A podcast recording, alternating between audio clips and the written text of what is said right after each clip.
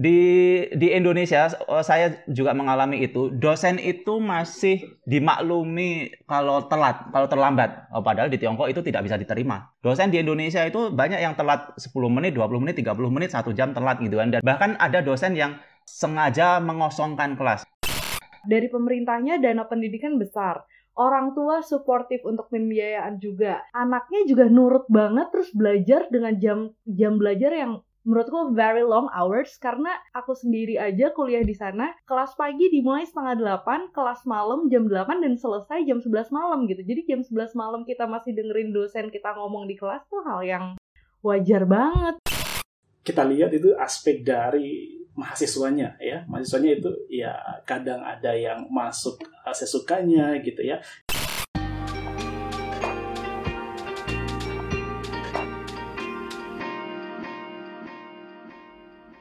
Ni hao Sobat Baper Beijing, selamat datang di episode ke-10 Baper Beijing. Di podcast Baper Beijing kali ini, gue Alicia Anandita, koor Divisi Pendidikan Permit Beijing yang sedang menempuh studi master di Tsinghua University Beijing, China, bakal nemenin kalian sebagai host di Bincang-Bincang ala Permit Beijing atau Baper Beijing untuk ngobrolin hal-hal seru dan informatif. Nah, gue mau kenalin nih narsum kita pada kesempatan hari ini. Ada Kak Ismail Tahir yang menempuh studi doktoral di Peihang University dan ada Kak Hendy Yuniarto, dosen bahasa Indonesia di Beijing Foreign Studies University. Nah, kalian pasti udah nggak asing lagi kan dengan ungkapan tuntutlah ilmu walau sampai ke negeri tirai bambu. Tapi apa sih sebenarnya maknanya? Ternyata Tiongkok adalah negeri yang pertama mengetahui teknik pembuatan kertas dan menilai bahwa cara yang paling efektif dalam mengabadikan ilmu pengetahuan adalah dengan mencatat menggunakan media kertas. Kemudian yang kedua adalah menemukan percetakan yang merupakan penemuan sangat penting pada saat itu bagi sejarah ilmu pengetahuan. Dan yang ketiga, menciptakan media uang sebagai alat tukar yang kemudian diadopsi oleh negara lain di belahan dunia. Selanjutnya, ada sistem pemerintahan. Zaman dahulu, koneksi dan harta yang banyak dapat mempengaruhi seseorang untuk bekerja di pemerintahan, sehingga kualitas dari pejabat publik tidak kompeten. Hmm, akhirnya Tiongkok membuat sistem standarisasi seleksi berdasarkan kemampuan. Pada zaman dinasti Tang, membuat sistem meritokrasi dan menjadi populer di kalangan intelektual hingga ditiru oleh negara-negara lain termasuk Indonesia. Pada kesempatan kali ini, gue mau ngomongin tentang pendidikan di Tiongkok dan pendidikan di Indonesia. Nah, kira-kira sistem apa sih yang bisa kita tiru untuk memajukan kualitas pendidikan Indonesia? Gue akan ngobrol sama anak-anak yang kece-kece banget, kakak-kakak keren, yang satu doctoral degree, yang satu juga ngajar di salah satu universitas terkenal yang ada di Beijing, China. Ada Kak Ismail Tahir dan Kak Hendy Yuniarto karena kita bertiga sama-sama punya pengalaman tinggal di Beijing untuk sekolah ataupun mengajar, kami mau berbagi pengalaman kami ke pendengar setia Baper Beijing mengenai pengalaman yang kami tempuh selama menempuh pendidikan di Beijing, China. Semoga bisa memotivasi teman-teman untuk selalu semangat agar bisa bermanfaat di kemudian hari. Halo Kak, apa kabar? Kak Ismail dan Kak Hendy. halo halo halo halo halo Alicia gimana kabar Baik, aku lagi di Jakarta nih. Kalau Kak Ismail di mana? Kak Hendy di mana? Kak Ismail dulu. Oh iya, uh, saya sekarang lagi di Gorontalo, Sulawesi. Jadi belum kembali ke Beijing lagi ya, Kak? uh, masih belum. Sejak balik uh, tahun kemarin sih, bulan apa ya? Bulan ah. Maret. Ah, singkat. Uh, jadi udah sekitar satu tahun lebih di sini. Iya, kita berdoa semoga biar cepetan open border biar kita semua bisa ke sana. Kalau Kak Hendy di mana nih? Iya, betul betul. Saya masih stay di Beijing ini juga belum bisa pulang ke Indonesia ini. Saya kangen eh, kangen rumah, eh, kangen masakan Indonesia juga gitu. Masak sendiri dong kak, bisa masak kan? Oh iya, masak sendiri. Tapi kadang-kadang pesen juga di nom-nom gitu kan. Wah, luar biasa. Ah, nom-nom kangen sekali. Nah, biar makin akrab, kita mau tanya-tanya dulu nih seputar pengalaman dan keseharian Kak Ismail Tahir. Yang aku udah kepoin, ternyata punya background pendidikan S1, sarjana pendidikan, S2-nya master pendidikan, dan S3-nya di Pehang Applied Linguistics in Foreign Language. Paramedic Study. Mungkin bisa dijelasin Kak, itu sebenarnya belajar tentang apa sih? Ya, uh, sebelumnya kan saya waktu S1 sama S2 itu lebih ke pendidikan gitu ya. Tapi untuk pendidikannya itu lebih ke pendidikan bahasa, khususnya untuk bahasa asing, bahasa Inggris seperti itu. Nah, untuk S3 sekarang uh, saya ambil ke uh, Applied Linguistics atau ya lebih ke fokus studinya saya itu ke pragmatik gitu ya. Jadi lebih ke makna ya, makna bahasa seperti itu. Tapi uh, tidak menutup kemungkinan untuk studi pragmatik ini dia lebih bahasa secara utuh sendiri juga bisa lebih ke touch ke pendidikannya seperti itu. Nah, ini nih kan aku rada-rada kepo ini ya. S1 di Universitas Negeri Gorontalo English Language Teaching. Terus S2-nya di UNM Negeri Malang English Language Teaching juga. Kok bisa nyasar ke China, Kak? Monggo-monggo diceritain. Karena kalau English ya biasanya kan ke Inggris gitu misalnya. ya sedikit pengalaman juga sih, sedikit sharing pengalaman juga waktu apply ya, waktu apply tahun 2019 kemarin itu kan pas keterima gitu ya, terus hmm. sempat ngabarin juga kan ke teman-teman dekat, terus juga sama keluarga gitu ya. Nah, ketika saya sampaikan bahwa uh, saya ini mau lanjut studi gitu ya, studi S3 dan keterimanya di China gitu ya. Uh, ya mereka sih pada kaget gitu ya. Soalnya kan uh, sebagian besar teman-teman saya itu kan tahu kan, apalagi untuk uh, teman sekelas saya itu ya kita kan language teaching itu kan lebih ke hmm. pengajaran bahasa Inggris gitu. Uh, uh, tapi mereka tanya kok mau ke China gitu ya. Terus saya bilang iya saya tertarik untuk uh, lanjut studi di sana gitu ya.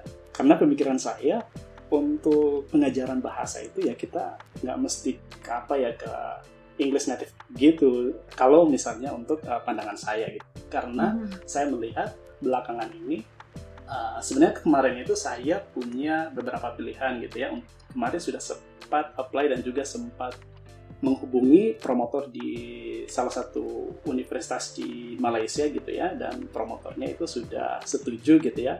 Tapi selang satu dua bulan uh, saya juga coba apply di China dan itu apply-nya uh, apply tiga universitas gitu ya dan keterimanya di Peihang gitu ya. Karena saya pertimbangkan gitu ya uh, saya lihat-lihat dan juga saya melihat kesempatan untuk meneliti gitu ya kesempatan untuk melihat potensi riset-riset gitu ya nah saya berpikir kalau misalnya saya ambil China kemungkinan ada beberapa kesempatan yang bisa saya lebih explore gitu ya. Jadi selain uh, pengajaran bahasa Inggris, kemungkinan juga saya bisa punya kesempatan untuk belajar bahasanya mereka dan juga budaya dan juga teknologi di sana seperti itu. Oke, jadi karena China tuh sepertinya trennya akan ke China dan bisa belajar maknanya juga, terus oke okay, akhirnya memutuskan untuk ke China gitu ya Kak Ismail? Iya, seperti itu. Oke, nah kan Kak Ismail ini dosen di Universitas Bina Mandiri Gorontalo. Selain belajar, ngajar juga pasti kan? Nah, ada pengalaman apa nih kira-kira yang ternyata ada perbedaan kultur belajar antara di Indonesia dan di Tiongkok? Iya, uh, sebenarnya kalau saya pribadi sendiri, kebetulan saya juga ngajarnya belum lama juga ya. Jadi sejak saya uh, selesai studi S2 tahun 2018. Nah, kebetulan tahun itu juga saya uh, dapat kesempatan sebagai pengajar juga dosen di uh, Universitas Bina Mandiri Gorontalo gitu ya. Nah, selang satu tahun berikutnya saya dapat kesempatan untuk lanjut S3 di Peihang gitu ya. Nah, sedikit pengalaman juga terkait perbedaan sih ya, perbedaan kultur dari budaya ya, budaya dari belajar gitu ya. Nah, nah sebenarnya saya belum terlalu lama di Beijing ya, kurang lebih satu semester kemarin 2019 juga 2020 ya satu semester. Nah, uh, kultur budaya belajarnya itu menurut saya sangat berbeda gitu ya. Salah satu perbedaan yang mencolok itu terkait dengan uh, budaya mahasiswanya gitu ya. Uh, budaya mahasiswa untuk belajar. Hal yang paling saya lihat yaitu penggunaan dari perpustakaan di masing-masing kampus gitu. Nah kalau Ah. di Indo ah, ah, di Indonesia itu sendiri saya belum iya saya belum pernah melihat sih ya ah, jujur saja saya belum pernah melihat adanya ya maksudnya perpustakaan yang buka 24 jam seperti itu. Terus Dan rame juga, terus ah, lagi ya. iya, Kalau rame rush terus, rame ah. terus. Kalau saya iya pas mau berkunjung ke perpustakaan itu kok susah banget ya dapat tempat gitu. Terus dikira Iya. perpustakaannya banyak, gede-gede, Ah, ah, segede mall iya. isinya buku semua. Iya betul.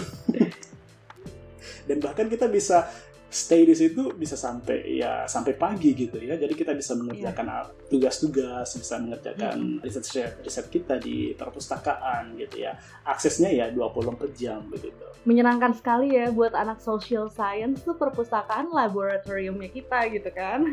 Iya betul sekali. Iya, oke. Nah, kita akan ke Kak Hendy Yuniarto. Halo Kak Hendy, sumpah aku tuh Halo, senang halo, banget ya. sama tim Permit Beijing.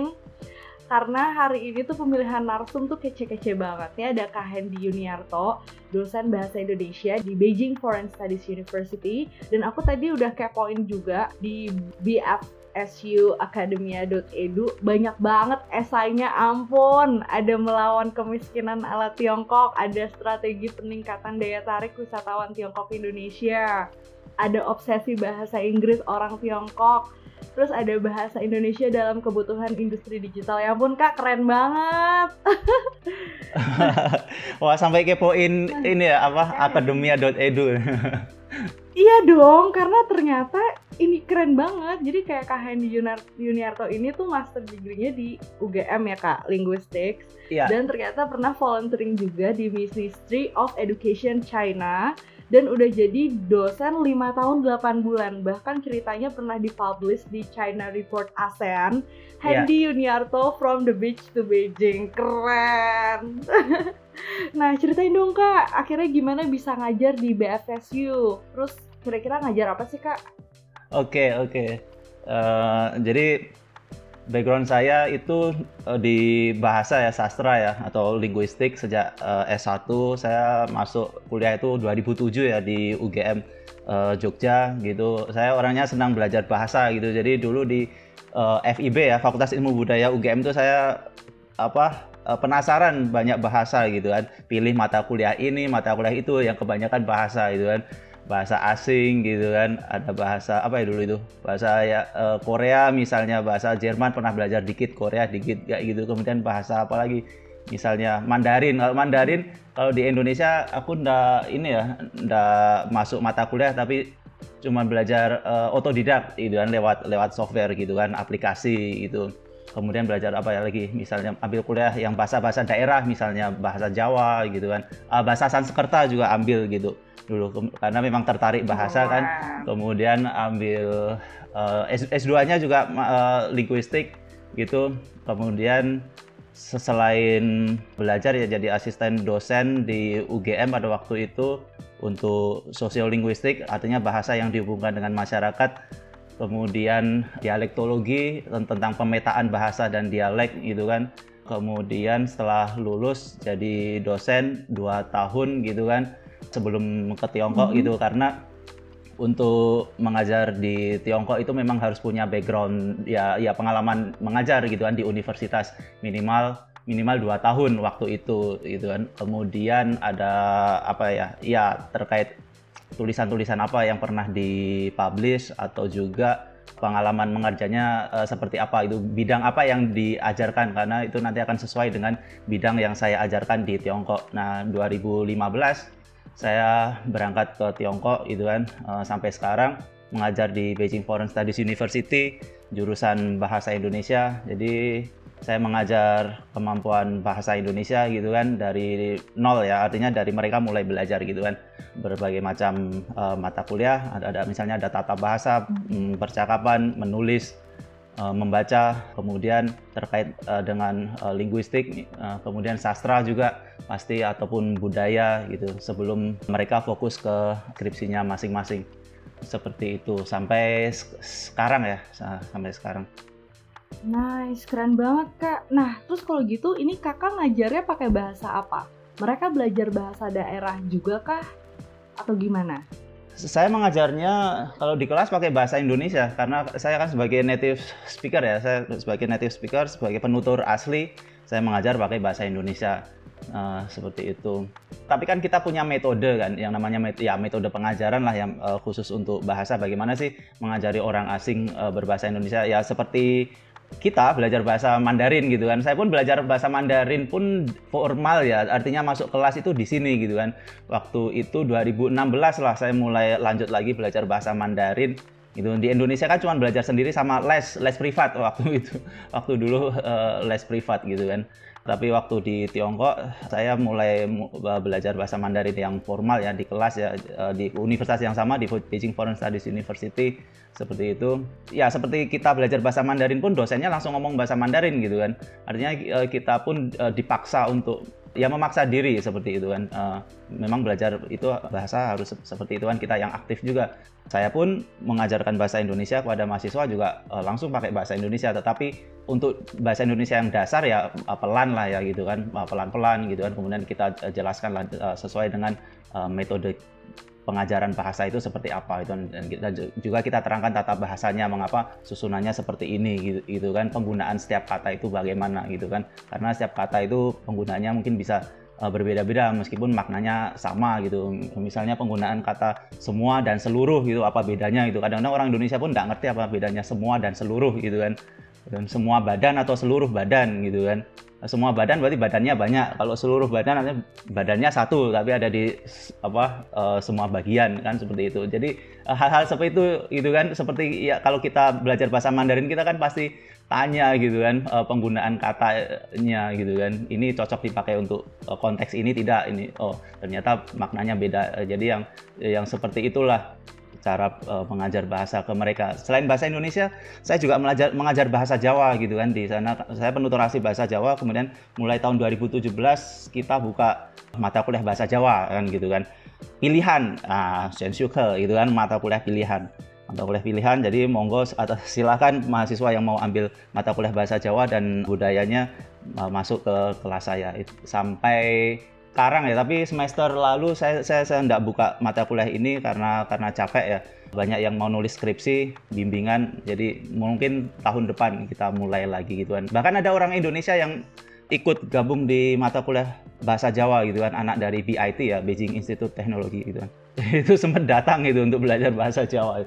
Itu saya pikir menarik itu. Ah Kak, kemudian ada nggak perbedaan terkait dengan syarat dan cara daftar apply kerjaan gitu ya jadi pengajar di Indonesia dan di China?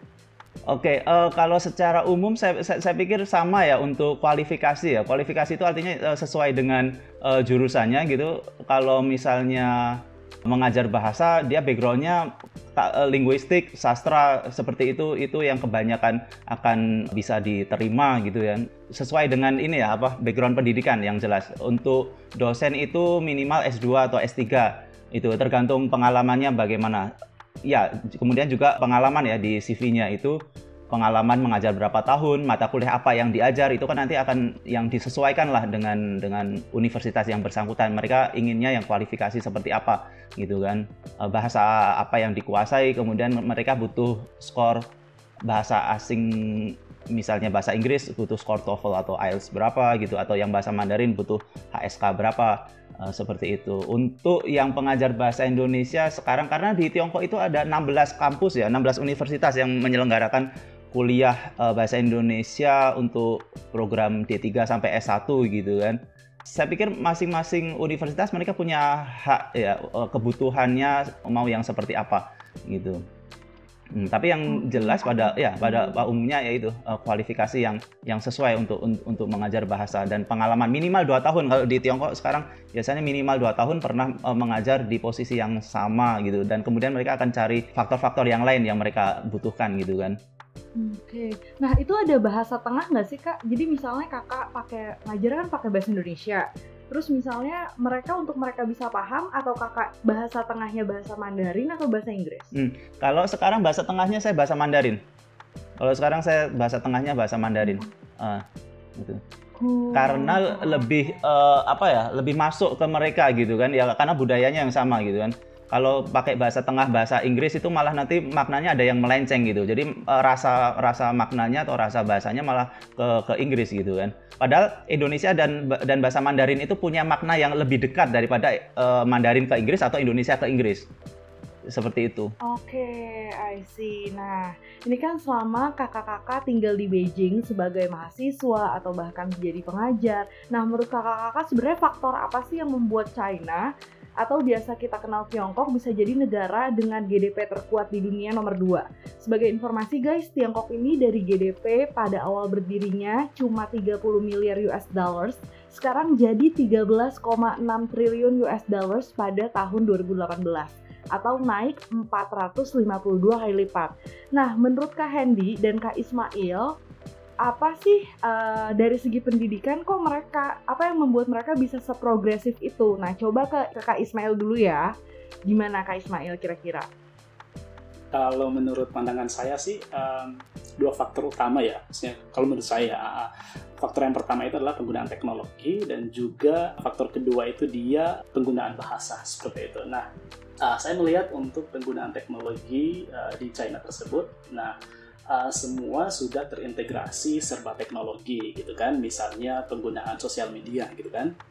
Nah sebagian besar di sana kan ya termasuk uh, kita kita ya misalnya international students yang di sana ya mau tidak mau ya kita harus menggunakan teknologi maupun sosial media yang ada di sana gitu ya. Hmm. misalnya WeChat gitu ya. Nah WeChat ya selain kita gunakan untuk berinteraksi ya bersosialisasi ya untuk komunikasi lewat online Nah, kita juga bisa menggunakan widget uh, sebagai alat untuk pembayaran seperti itu kan ya. Jadi yeah. uh, semua sudah terintegrasi gitu. Terus untuk faktor faktor yang kedua yaitu internasionalisasi dari penggunaan bahasa Mandarin gitu ya. Nah, uh, dengan banyaknya international students yang studi di China ya, uh, karena salah satu kewajiban yang harus dilakukan adalah untuk mengambil mata kuliah bahasa Mandarin ya kan? Kalau misalnya di kampusnya saya di Peihang ya itu uh, setiap international student itu wajib ya. Jadi mata hmm. kuliah wajib atau pelajaran wajib itu dia dua semester uh, bahasa Mandarin gitu. Jadi kalau misalnya kita tidak lulus gitu ya tidak lulus dari dua semester ya otomatis kita harus take lagi ya kan untuk uh, pelajarannya seperti itu. Jadi mungkin kalau menurut pandangan saya seperti itu sih sih, iya benar-benar. Jadi pengaruhnya kuat ya. nah, kalau iya. Kak Hendy gimana Kak?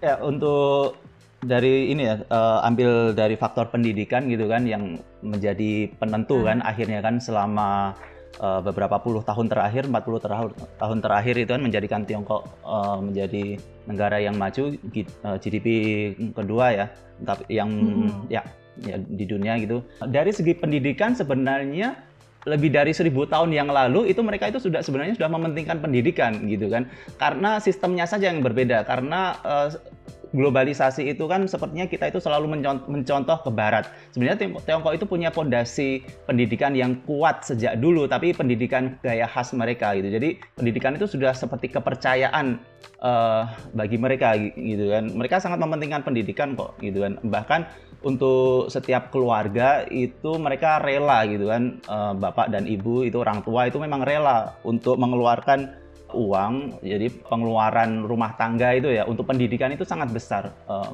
porsinya itu kan dibanding kebutuhan-kebutuhan uh, yang lain seperti itu. Jadi kita dalam aspek pendidikan itu sebenarnya sudah sudah dari rumah gitu sudah sangat dipentingkan. Uh, kemudian ada ada banyak faktor yang lain ya mungkin saya bisa sam sampaikan dengan uh, sederhana.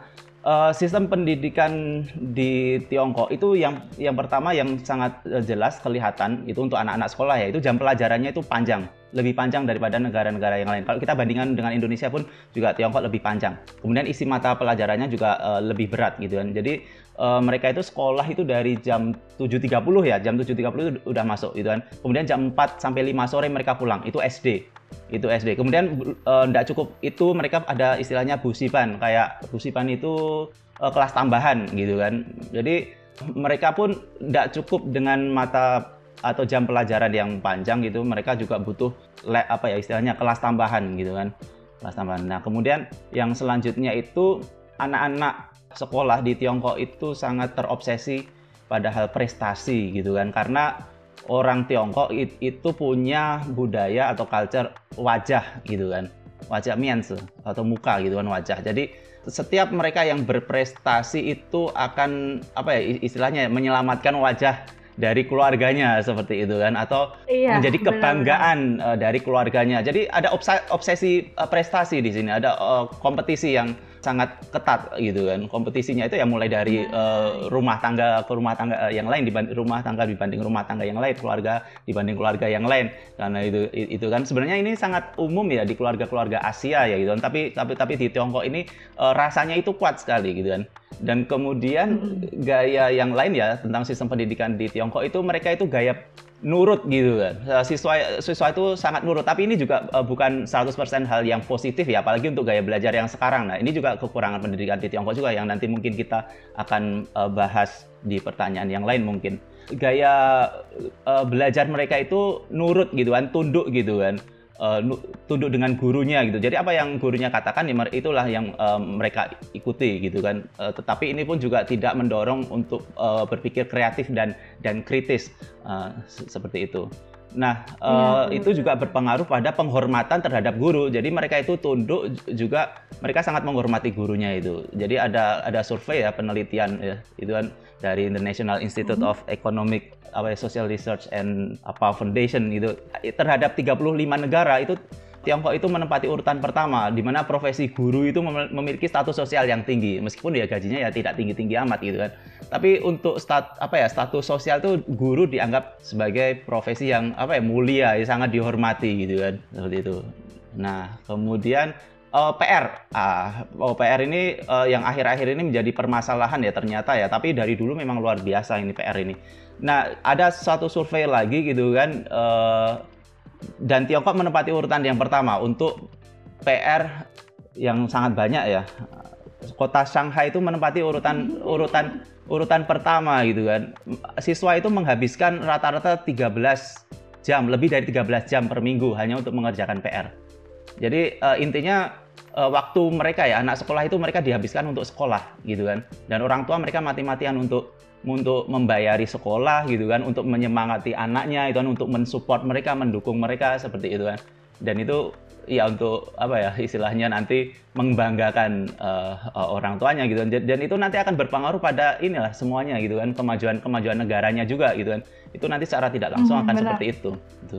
Iya, aku juga ngeliatnya tuh di sana sinkron banget gitu kak. Dari pemerintahnya dana pendidikan besar, orang tua suportif untuk pembiayaan juga dan anaknya juga nurut banget terus belajar dengan jam jam belajar yang menurutku very long hours karena aku sendiri aja kuliah di sana kelas pagi dimulai setengah delapan, kelas malam jam 8 dan selesai jam 11 malam gitu. Jadi jam 11 malam kita masih dengerin dosen kita ngomong di kelas tuh hal yang wajar banget di sana ya. Betul, nah, betul. Terus kemudian kayak melihat China sekarang yang merupakan produsen manufaktur terbesar, negara perdagangan produk komoditas terbesar sekaligus negara cadangan devisa terbesar di dunia.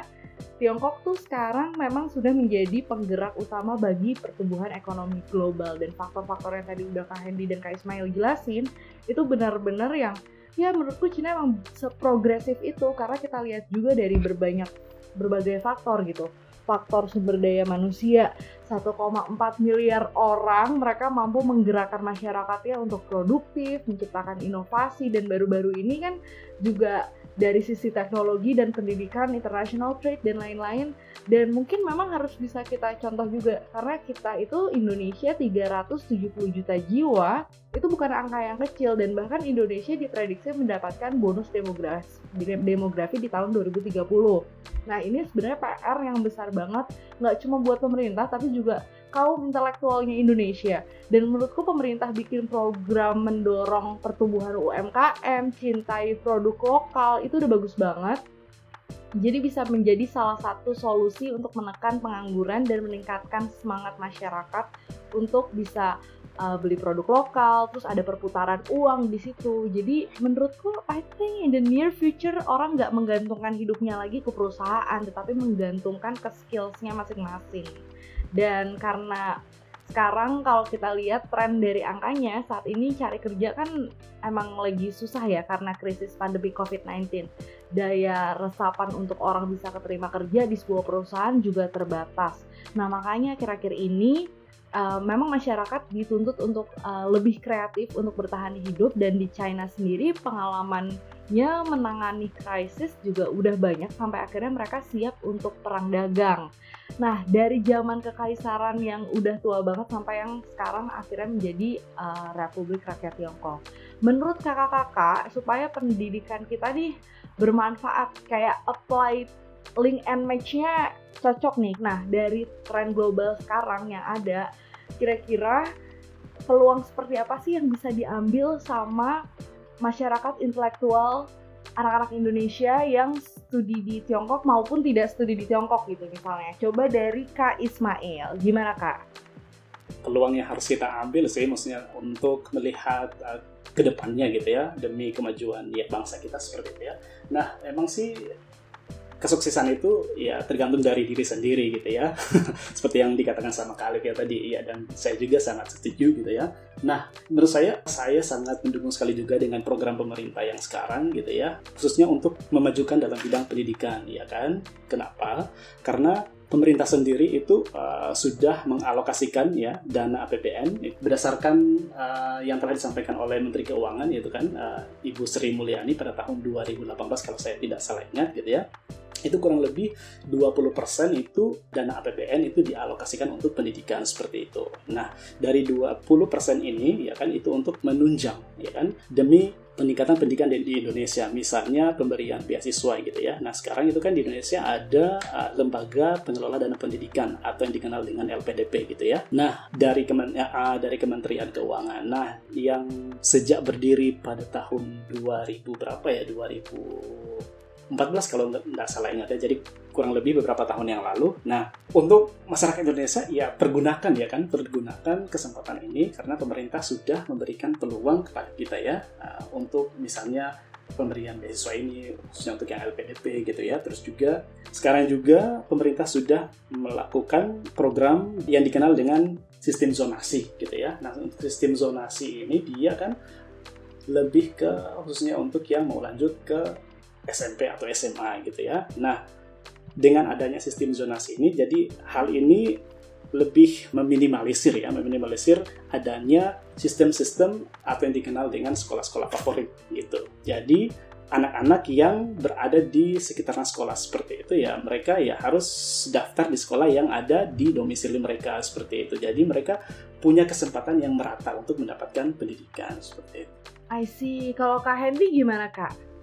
Ya, saya ingin lebih pakai ini saja penelitian saya tapi belum publish sih untuk untuk LIPI itu. Jadi tapi sederhana aja sih penelitian ini. Penelitian ini ya memang berdasarkan pengalaman mahasiswa saya sendiri. Jadi ada mahasiswa-mahasiswa saya yang ambil beasiswa gitu kan atau pakai uang sendiri gitu kan ke Indonesia kuliah uh, satu tahun atau satu semester untuk belajar bahasa Indonesia ya. Uh, jadi di lima universitas negeri ya di Indonesia ada UGM, UNY, UNJ, Universitas Negeri Jakarta ya, UPI di Bandung, kemudian Semarang uh, dan lain sebagainya. Nah, mereka saya wawancarai gitu kan untuk saya buat penelitian tentang gegar budaya atau culture shock gitu kan. Bagaimana sih pendidikan di Indonesia yang mereka rasakan kalau dibandingkan kemudian dengan uh, pendidikan yang ada di uh, Tiongkok. Uh, ada beberapa hal ya uh, yang yang paling penting un mungkin untuk jawaban pertanyaan ini di di Indonesia oh, saya juga mengalami itu. Dosen itu masih dimaklumi kalau telat kalau terlambat. Oh, padahal di Tiongkok itu tidak bisa diterima. Nah itu. Mm. oh itu tidak bisa diterima kalau di Tiongkok itu. Artinya apa? Disiplin kata kuncinya adalah, adalah disiplin. Dosen di Indonesia itu banyak yang telat 10 menit 20 menit 30 menit satu jam telat gitu kan. Dan mereka tidak seolah-olah tidak punya apa ya semacam rasa wah saya, saya terlambat maaf, maaf atau atau apa ya mungkin mereka minta maaf tapi diulangi lagi di kemudian hari. Bahkan ada dosen yang sengaja mengosongkan kelas. Wah itu tidak bisa diterima itu di Tiongkok itu. Nah, alasannya apa? Nah, itu kan. Dan kadang-kadang tidak memberikan uh, alasan atau alasannya misalnya ya artinya ya disiplinnya dulu diperbaiki gitu kan. Kalau kita mau bercermin ya dari pengalaman mahasiswa saya yang belajar di Indonesia yang pertama adalah disiplin. Dosen sering kosong dosen sering terlambat gitu kan yang pertama dis disiplinnya diperbaiki dulu. Kita harus disiplin. Nah, seperti itu. Dan kemudian kita tidak di Indonesia tidak banyak apa ya atau tidak ada iklim kompetitif gitu kan, tidak ada iklim kompetisi gitu kan. Dan seolah-olah kita itu, misalnya atau uh, ma mahasiswa atau siswa mendapat uh, nilai yang baik itu malah kadang-kadang dicurigai atau atau apa ya dianggap wah istilahnya apa ya nerd gitu kan Hmm, uh, buku, buku buku. Ya, butuh buku atau apa apalah eh, seperti itu. ya, lo padahal ya kalau misalnya dia pandai, dia pintar ya harus di ini dong, dia harus didukung dong. Bangga kan teman-temannya, oh teman saya ini, gitu kan. Juara oh. satu atau nilainya baik gitu kan. Misalnya pelajaran apa pun lah gitu kan. Oh dia pandai dalam matematika, dia pandai dalam bahasa Inggris, dia pandai dalam kesenian misalnya, bahasa dan lain sebagainya gitu kan ya, bukan malah istilahnya apa diejek, dibully atau misalnya di apalah gitu kan dianggap butuh buku atau apa kan seperti itu. Jadi iklim kompetitif itu kan di inilah dimunculkan gitu kan iklim kompetisi seperti itu itu dimunculkan gitu kan. Oke, kita sebagai mahasiswa internasional di Beijing tentu banyak punya kesempatan belajar yang menurutnya cukup berbeda di Indonesia gitu. Dari mulai attitude, tadi juga Kak Hendy udah bilang pola hidup atmosfernya aja beda ya Kak. Nah, kira-kira kita sebagai mahasiswa ataupun pengajar internasional yang punya kesempatan berada di Beijing, kan karakternya cukup berbeda ya dengan yang ada di Indonesia dari segi attitude dan lainnya. Nah, cara mereka belajar gitu misalnya, ada nggak pengalaman yang membuat kakak, wah ini pengalaman yang luar biasa, etiknya memang kita harus uh, bisa mempelajari untuk diri kita untuk menjadi pribadi yang lebih baik kayak ataupun self development. Nah, kira-kira apa tuh kak pengalaman seperti apa yang kakak dapatkan? Kita lihat itu aspek dari mahasiswanya ya. Mahasiswanya itu ya kadang ada yang masuk uh, sesukanya gitu ya. Kadang saya merasa ya agak bingung juga sih uh, bingung maksudnya kira-kira uh, solusi apa gitu ya atau hal apa yang perlu kita terapkan gitu ya uh, untuk bisa mengadopsi uh, kultur yang ada di uh, China seperti itu. Dan mungkin ya uh, dengan beberapa faktor kita gitu, mungkin ya sambil jalan juga mungkin sambil jalan kita akan coba untuk pelan-pelan uh, dan ya semoga saja ya semoga saja uh, hal yang yang kita tidak inginkan tersebut ya tidak akan terulang lagi seperti itu. Jadi intinya sih lebih ke disiplin gitu dan juga kalau misalnya kita berbicara terkait attitude ya ya kurang lebih ya tidak jauh beda juga sih ya kan uh, mungkin ada beberapa faktor mungkin yang perlu kita perhatikan juga seperti itu. Oke, okay, I see. Nah, Sobat pendengar setia Baper Beijing, sekedar informasi nih guys. Jadi Beijing itu kota yang diverse banget. Jumlah international studentsnya banyak, ekspatnya juga banyak. Jadi yang kerja di sana pun juga dari beragam, dari penjuru negara belahan dunia. Dan so far pengalaman cross culture apa ya yang kira-kira menarik dan kakak-kakak bisa share ke teman-teman? Karena kayaknya dari tadi kita ngobrol agak tegang nih. Mungkin kakak-kakak ada yang punya pacar foreigner atau mungkin ada pengalaman ekstrakurikuler yang kira-kira kakak seru banget nih buat di share nah atau bahkan ada pengalaman lain. Coba kak Hendy kalau kak Hendy gimana pengalaman bergaul, bersosialisasi dengan masyarakat internasional ya di sini. Ya, kita kan kelas internasional gitu kan dari mahasiswa-mahasiswa dari Asia dan juga mahasiswa dari Eropa dan Amerika ya, mahasiswa-mahasiswa barat gitu kan. Ya, perbeda perbedaannya kalau kita lihat di aspek pendidikan ya, orang Asia itu lebih rajin gitu kan rajin ngerjain PR gitu kan. Rajin mereka punya ambisi punya tujuan ya yang lebih jelas daripada kalau dibandingkan dengan eh, orang-orang barat kita katakan barat aja lah. Uh, mereka lebih bebas menghargai kebebasan individu gitu kan. Uh, dan kemudian hmm. tidak target mereka tidak terlalu muluk-muluk gitu kan. Kalau orang Asia targetnya ya 100 gitu kan kalau misalnya ujian ya saya berharap untuk bisa dapat 90-an sampai 100 lah itu kan kalau bisa gitu kan. Dan bagi uh, bagi kita dapat 80 lah misalnya itu rasanya kurang gitu kan, tidak puas gitu kan 80. Tapi kalau orang untuk orang barat itu dapat 60 ya is okay lah, sudah oke okay lah gitu kan. Yang penting saya sudah sudah bisa lah, sudah, sudah paham gitu udah oke okay, gitu kan. Nah, se seperti itu. Jadi ya itu ada perbedaan antara kebebasan individu dan yang satunya lagi ada semacam apa ya uh, uh, tuntutan gitu kan untuk menampilkan diri yang terbaik. Nah, kan seperti itu. Oke. Okay. Nah, kalau Kak Ismail apa nih kira-kira pengalaman cross culture yang aduh ini memorable banget nih gitu. Uh, kalau cross culture ini saya sih lebih ke bahasanya ya. ya uh, kebetulan kan uh, ke sananya saya kan ambil untuk yang uh, bahasa pengantarnya bahasa Inggris gitu ya dan kebetulan juga ya bisa dibilang ya saya belum tahu apa-apa terkait Mandarin gitu ya. Bisa dibilang ya basic saya masih nol gitu. Nah ya nyampe ketika saya pas nyampe di sana ya otomatis ya saya tidak langsung ketemu dengan orang-orang uh, yang ada di lingkungan kampus gitu ya atau ya universitas. Ya saya ketemunya dulu dengan orang-orang yang uh, di sana gitu ya maksudnya masyarakat yang ada di sana misalnya uh, masyarakat luar gitu ya atau yang jalan sana sini di luar dan luar dari kampus.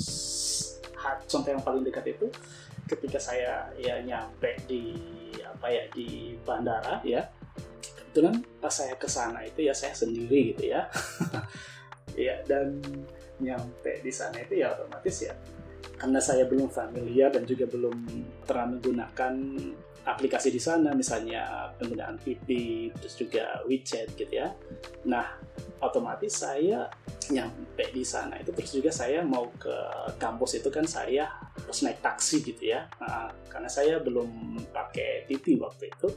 Nah si apa ya si sopirnya gitu ya sopir taksinya itu tidak mau uh, ngangkut saya gitu ya. Kenapa gitu ya? Karena saya berusaha berinteraksi dengan mereka itu berkomunikasi dengan mereka itu pakai bahasa Inggris gitu ya.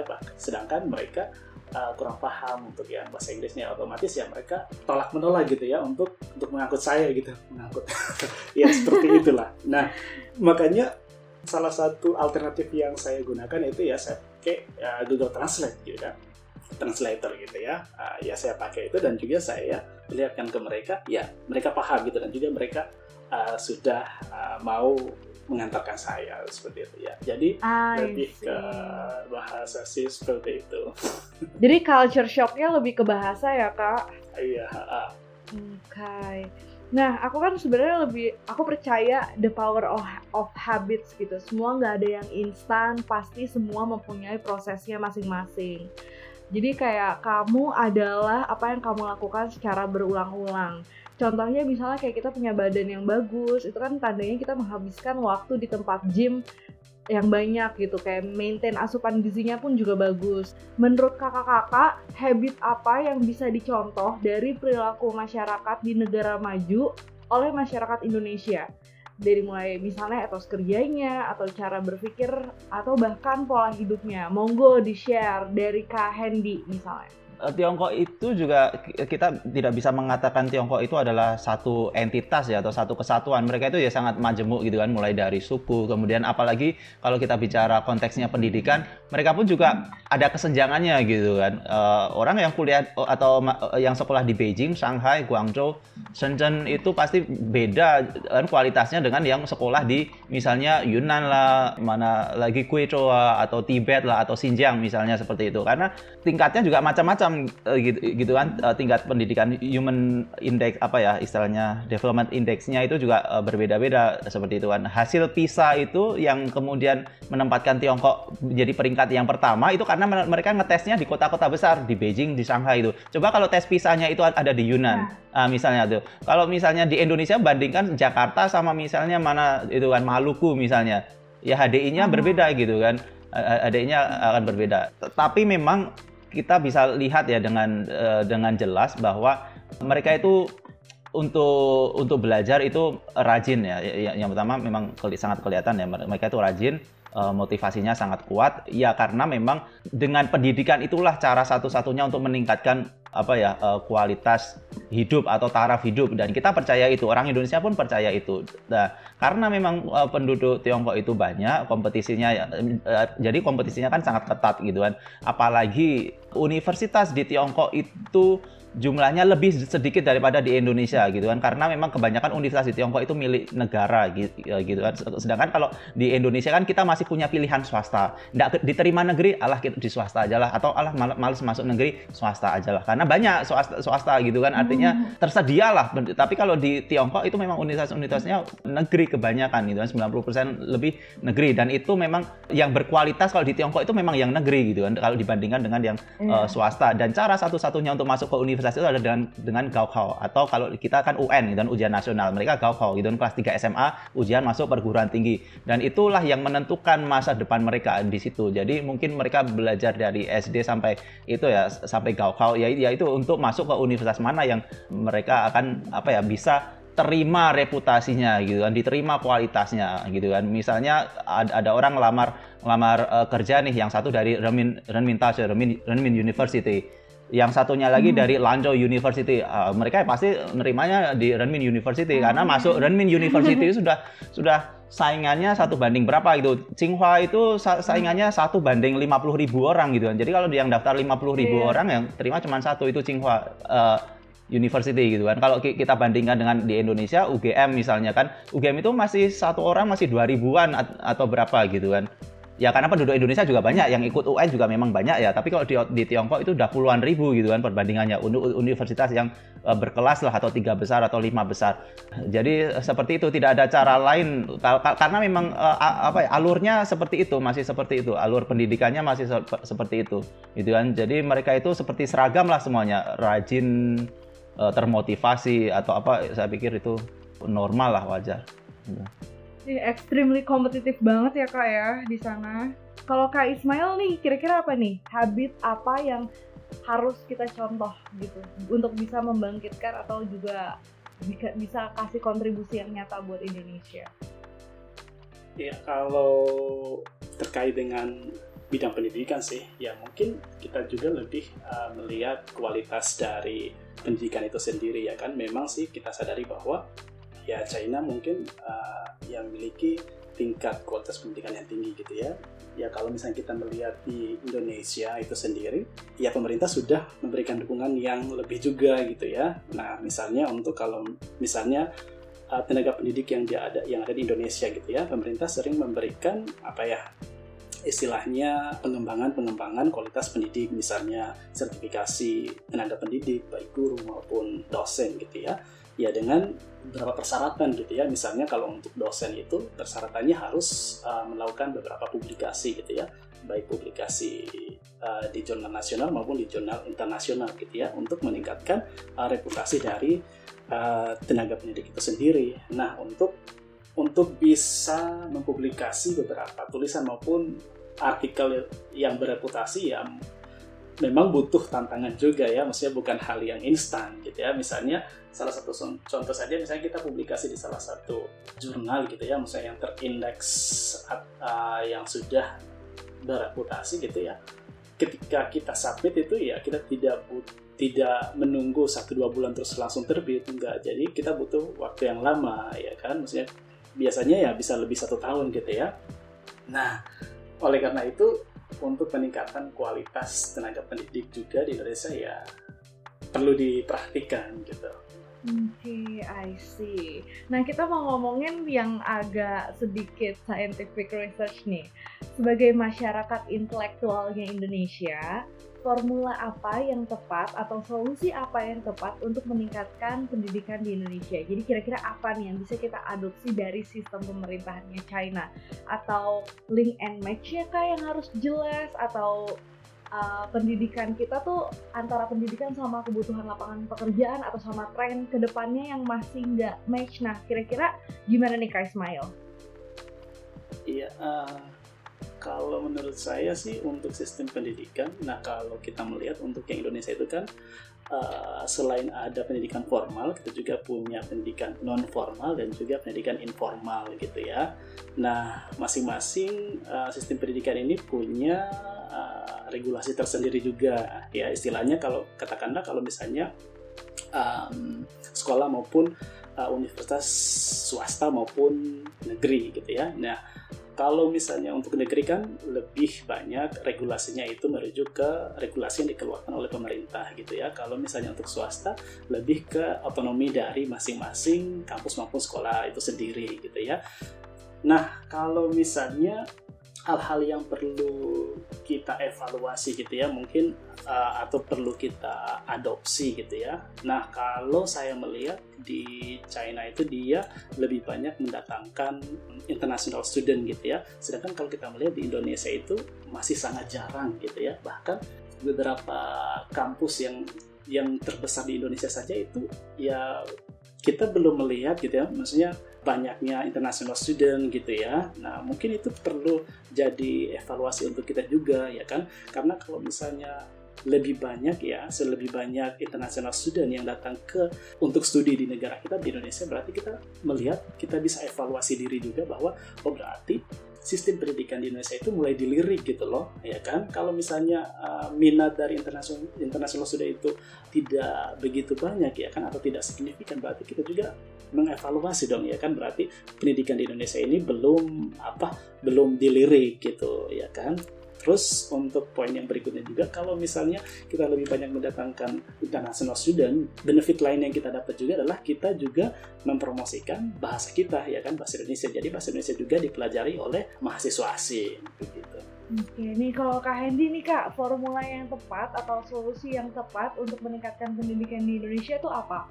Saya pun sebenarnya juga belum pernah memikirkan untuk membuat apa ya formulasi gitu yang tepat karena memang ada banyak faktor ya gitu kan dan itu juga tidak pasti cocok diaplikasikan uh, semua semua tempat semua tempat Indonesia. ya di Indonesia gitu. Uh, ya ada beberapa hal misalnya seperti yang sudah Mas Ismail katakan atau sampaikan gitu kan. Un mengundang dosen asing gitu kan. Coba misalnya uh, mengundang dosen asing kan gitu kan. Mengundang dosen asing gitu. khususnya di bidang teknologi ya di bidang sains sains dan teknologi gitu kan uh, mengundang pakar-pakar asing, dosen-dosen asing gitu kan. Dan uh, dosen asing itu kan tidak hanya mengajar mahasiswa tapi juga mengajar dosennya kan gitu kan. Karena dosennya pun juga bisa belajar dari dosen asing uh, tersebut gitu kan. Dan kemudian mahasiswa atau siswa di bidang sains dan teknologi itu lebih inilah artinya lebih diperkuat gitu kan jumlahnya jurusannya juga kalau kampus-kampus di Indonesia diperbanyak gitu kan uh, daripada misalnya membuka jurusan-jurusan yang non sains gitu kan. Karena ke depannya akan banyak dibutuhkan orang-orang sains dan teknologi kan seperti uh, seperti itu. Uh, Tiongkok pun dari dulu sadar gitu kan. Oleh karena itu dari kecil ya mereka itu sudah ada tuntutan lah dari sekolah dan orang tuanya juga mensupport itu untuk pelajaran misalnya yang paling sederhana matematika gitu kan. Tapi sekarang kan juga ada sains yang lain gitu kan di sekolah kan fisika dan kimia seperti itu uh, matematika itu. Jadi mereka itu sangat mementingkan ini ya uh, mata pelajaran ini. Dan itu logis karena banyak yang mau ke sains dan teknologi. Itu saya pikir di Indonesia diperbanyak di bidang sains dan teknologi dan diperkuat bidang bidang sains dan teknologi gitu seperti itu. Oke, okay, nice, cool. Nah, aku mau tanya yang out of the box deh nih, kira-kira tentang prediksi masa depan menurut kakak-kakak prediksi masa depan dunia tuh ke depannya trennya akan seperti apa? Tentu pendidikan kita kan juga harus peka saat kan ya sama kecepatan teknologi atau kebutuhan tantangan masa depan untuk menjawab semuanya gitu. Aku tadi aku sempat lihat gitu uh, Kak Hendy ada komen gitu tulis tentang the Belt and Road in, uh, BRI Project A Better Future. Nah kira-kira tren global tuh kan gimana sih Kak Hendy? Tren global ya saya pikir Tiongkok itu mereka tidak akan uh, terganggu ya dengan isu-isu gitu kan, isu-isu dari negara yang lain gitu kan. Mereka itu tetap jalan. Misalnya ada isu atau kasus uh, di Xinjiang gitu kan, HAM di Xinjiang, mereka mereka fokus dengan HAM-nya mereka sendiri karena Tiongkok Tiongkok tidak bisa uh, dipaksa untuk tunduk dengan hamnya ala misalnya ala Amerika gitu kan. Kemudian permasalahan border atau perbatasan misalnya di India di laut uh, Cina Selatan itu saya saya pikir uh, Tiongkok tidak tidak gusar dengan itu kan. Mereka terus lanjut gitu kan dengan apa yang am, ambisi mereka gitu kan. Ya termasuk Belt and Road Initiative gitu kan. Uh, ada ada tantangan atau uh, tanggapan miring misalnya atau negatif dari dari negara-negara uh, yang lain misalnya Amerika atau uh, negara misalnya sebagian dari Eropa gitu mereka juga enggak ndak uh, ambil pusing lah. Ya terus terus aja jalan gitu kan terus aja jalan. Karena memang mereka yakin gitu kan itu yang apa ya tepat benar itu kan untuk kemajuan uh, ek ekonomi mereka gitu kan. Dan dan tujuannya untuk sharing kemakmuran seperti itu kan. Mereka bilangnya seperti itu kan untuk berbagi ke, berbagi kemakmuran gitu kan di di area yang dilewati Belt and Road Initiative itu itu itu menurut um, mereka uh, seperti itu. Dan ya dan ke depannya banyak uh, negara yang bekerja sama uh, dengan di Tiongkok di area Belt and Road Initiative itu. Dan kemudian banyak juga uh, negara dan mahasiswa yang belajar ke Tiongkok itu trennya semakin semakin naik juga ya apalagi untuk negara-negara yang uh, berkembang gitu kan Asia Tenggara, Asia Selatan, hmm. kemudian beberapa negara di Eropa uh, seperti itu. Sih, nah aku juga tuh sempat baca-baca bukunya Parakana yang The Future is Asian. Jadi berdasarkan sejarah abad ke-19 itu abadnya European countries, expansion, colonialism dan abad 20 itu abadnya Amerika Serikat dan abad 21 itu diprediksi jadi abad kebangkitannya Asia melalui China. Dan banyak kajian dan literatur yang selalu di setiap diskusi publik itu semua membahas kalau memang trennya yang tadi Kak Hendy bilang trennya mungkin akan bergeser ke Tiongkok gitu. Dan apalagi Tiongkok diprediksi akan jadi negara superpower dunia pertama. Keduanya ada India ketiga Amerika United States dan keempatnya Indonesia.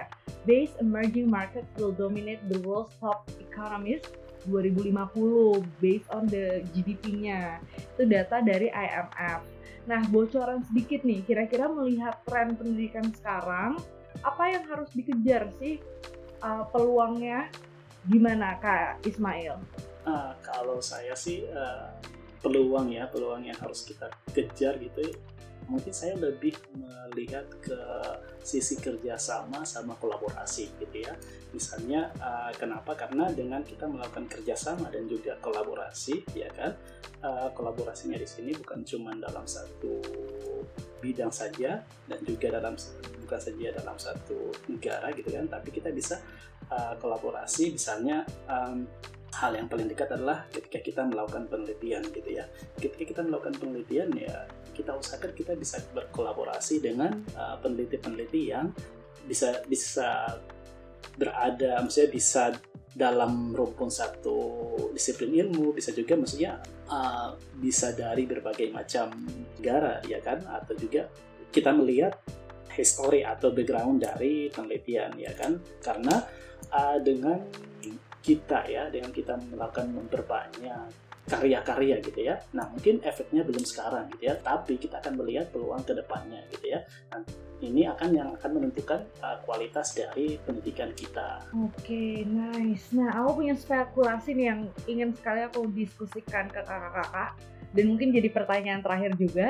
Ini kan dunia sedang berduka ya karena pandemi krisis COVID-19. Pusat vaksin itu kan adanya di Tiongkok otomatis pengaruh Tiongkok itu pasti ada di berbagai lini di belahan dunia mulai dari Chinese investment, Belt Road Initiative, teknologi, gadget, sampai yang sifatnya urgent kayak vaksin, vaksinasi gitu kan contohnya. Nah menurutku isu COVID ini, ketika isu COVID ini turun, itu lulusan Tiongkok atau yang paham tentang Tiongkok akan dicari banget nih sepertinya untuk menggenjot ekonomi baik itu dalam negeri ataupun luar negeri baik itu untuk keperluan ekspor maupun impor. Tentu kita berharap sebagai anak bangsa ada kerjasama antara China dan Indonesia, kerjasama yang bagus, saling menguntungkan dan tentunya juga ber beradab gitu kan. Nah, uh, melihat hal ini, prediksi kakak-kakak ke depannya, gimana sih tips-tipsnya untuk pelajar Indonesia bisa mempersiapkan diri untuk menjawab tantangan ke depan? Gimana Kak Hendy? Ya itu itu ini apa konsekuensi langsung dari banyaknya investasi ya, Tiongkok ke Indonesia eh, seperti itu uh, karena Tiongkok membutuhkan banyak sumber daya alam di Indonesia apalagi yang akhir-akhir ini uh, itu kan banyak investor dari Tiongkok untuk ke Indonesia uh, untuk membutuhkan sumber daya alam kemudian ke infrastruktur juga dan uh, lain sebagainya dan mereka membutuhkan sumber daya manusianya juga kan sumber daya manusianya uh, Indonesia gitu kan. Jadi kalau memang tertarik untuk apa ya dengan peluang misalnya bekerja sama dengan Tiongkok ya yang inilah yang paling yang paling sederhana ya misalnya ya belajar uh, bahasa Mandarin, cari beasiswa ke Tiongkok gitu kan uh, untuk belajar belajar ke Tiongkok seperti itu kan supaya ya itu peluangnya semakin besar seperti itu kan. Karena di bidang-bidang yang terkait itu kan pasti di lowongan pekerjaannya kan uh, menguasai bahasa Mandarin misalnya kan seperti itu kan saya sering lihat gitu kan. Uh, menguasai bahasa Mandarin HSK berapa misalnya seperti itu yang saya sering lihat di lowongan pekerjaan. Yang uh, ya memang itu hal yang uh, realistis ya kan seperti itu gitu kan itu kalau ingin apa ya mengejar peluang di sektor yang ada hubungannya dengan uh, Tiongkok dan Indonesia kerjasama antara Tiongkok dan Indonesia saya saya pikir seperti itu penting banget ya tandanya memang untuk melatih bahasa Mandarin karena memang sepertinya trennya udah mulai banyak nih peluang-peluang yang menuntut kita untuk bisa bahasa Mandarin. Nah kalau menurut Kak Ismail gimana Kak? Iya, uh, kalau saya saya juga sepakat sih dengan yang apa yang telah disampaikan oleh Mas Hendy tadi. Kalau kita melihat peluang ke depannya terkait uh, ke kerjasama ya atau kolaborasi antara Tiongkok dan juga Indonesia, ya kan. Nah, kemungkinan terbesar ya faktor utamanya adalah uh, bahasa gitu ya. Dan ini bisa dibilang ya hal yang menjadi hal yang mutlak gitu ya ketika suatu lini gitu ya, suatu lini mencari supaya seseorang yang bisa ditempatkan di lini tersebut dan juga yang ada hubungannya dengan Tiongkok ya otomatis kemampuan bahasa tersebut yang menjadi salah satu faktor penentu uh, untuk bisa diajak untuk kolaborasi atau kerjasama atau tidak seperti itu. Oke, okay, I see. Sampai juga nih kita di penghujung acara. Guys, sumpah ini pengalaman wawancaraku di podcast Baper Beijing yang keren dan memotivasi aku banget. Semoga juga bisa memotivasi kalian semua ya untuk bisa mapping ke depannya, bisa baca tren, atau bisa baca kira-kira peluang apa ya yang nantinya bisa kalian raih dan mulai mempersiapkan diri melalui pendidikan. Karena kalau bukan anak bangsa ini yang membangun bangsanya, siapa lagi? Janganlah mengharapkan orang lain datang untuk membangun bangsa kita kalau kata Presiden ketiga Republik Indonesia, B.J. Habibie. Salah satu cara termudah melihat sebuah negara sudah mulai beranjak dari negara berkembang ke negara maju adalah melihat dari komunitas negara tersebut di berbagai negara. Sebut saja bangsa China dan India. Mungkin ini bisa menjadi semangat dan motivasi kalian untuk mengeksplor dunia agar meningkatkan kemampuan potensi diri kita. China teach me vision without execution is just hallucination. Terima kasih sudah mendengarkan podcast Baper Beijing atau bincang-bincang ala permit Beijing. Semoga podcast ini bisa menghibur dan menginspirasi agar kalian semakin semangat dalam menuntut ilmu walau sampai ke negeri tirai bambu. Dan jangan lupa follow IG Permit Beijing di @permitbeijing untuk informasi selanjutnya.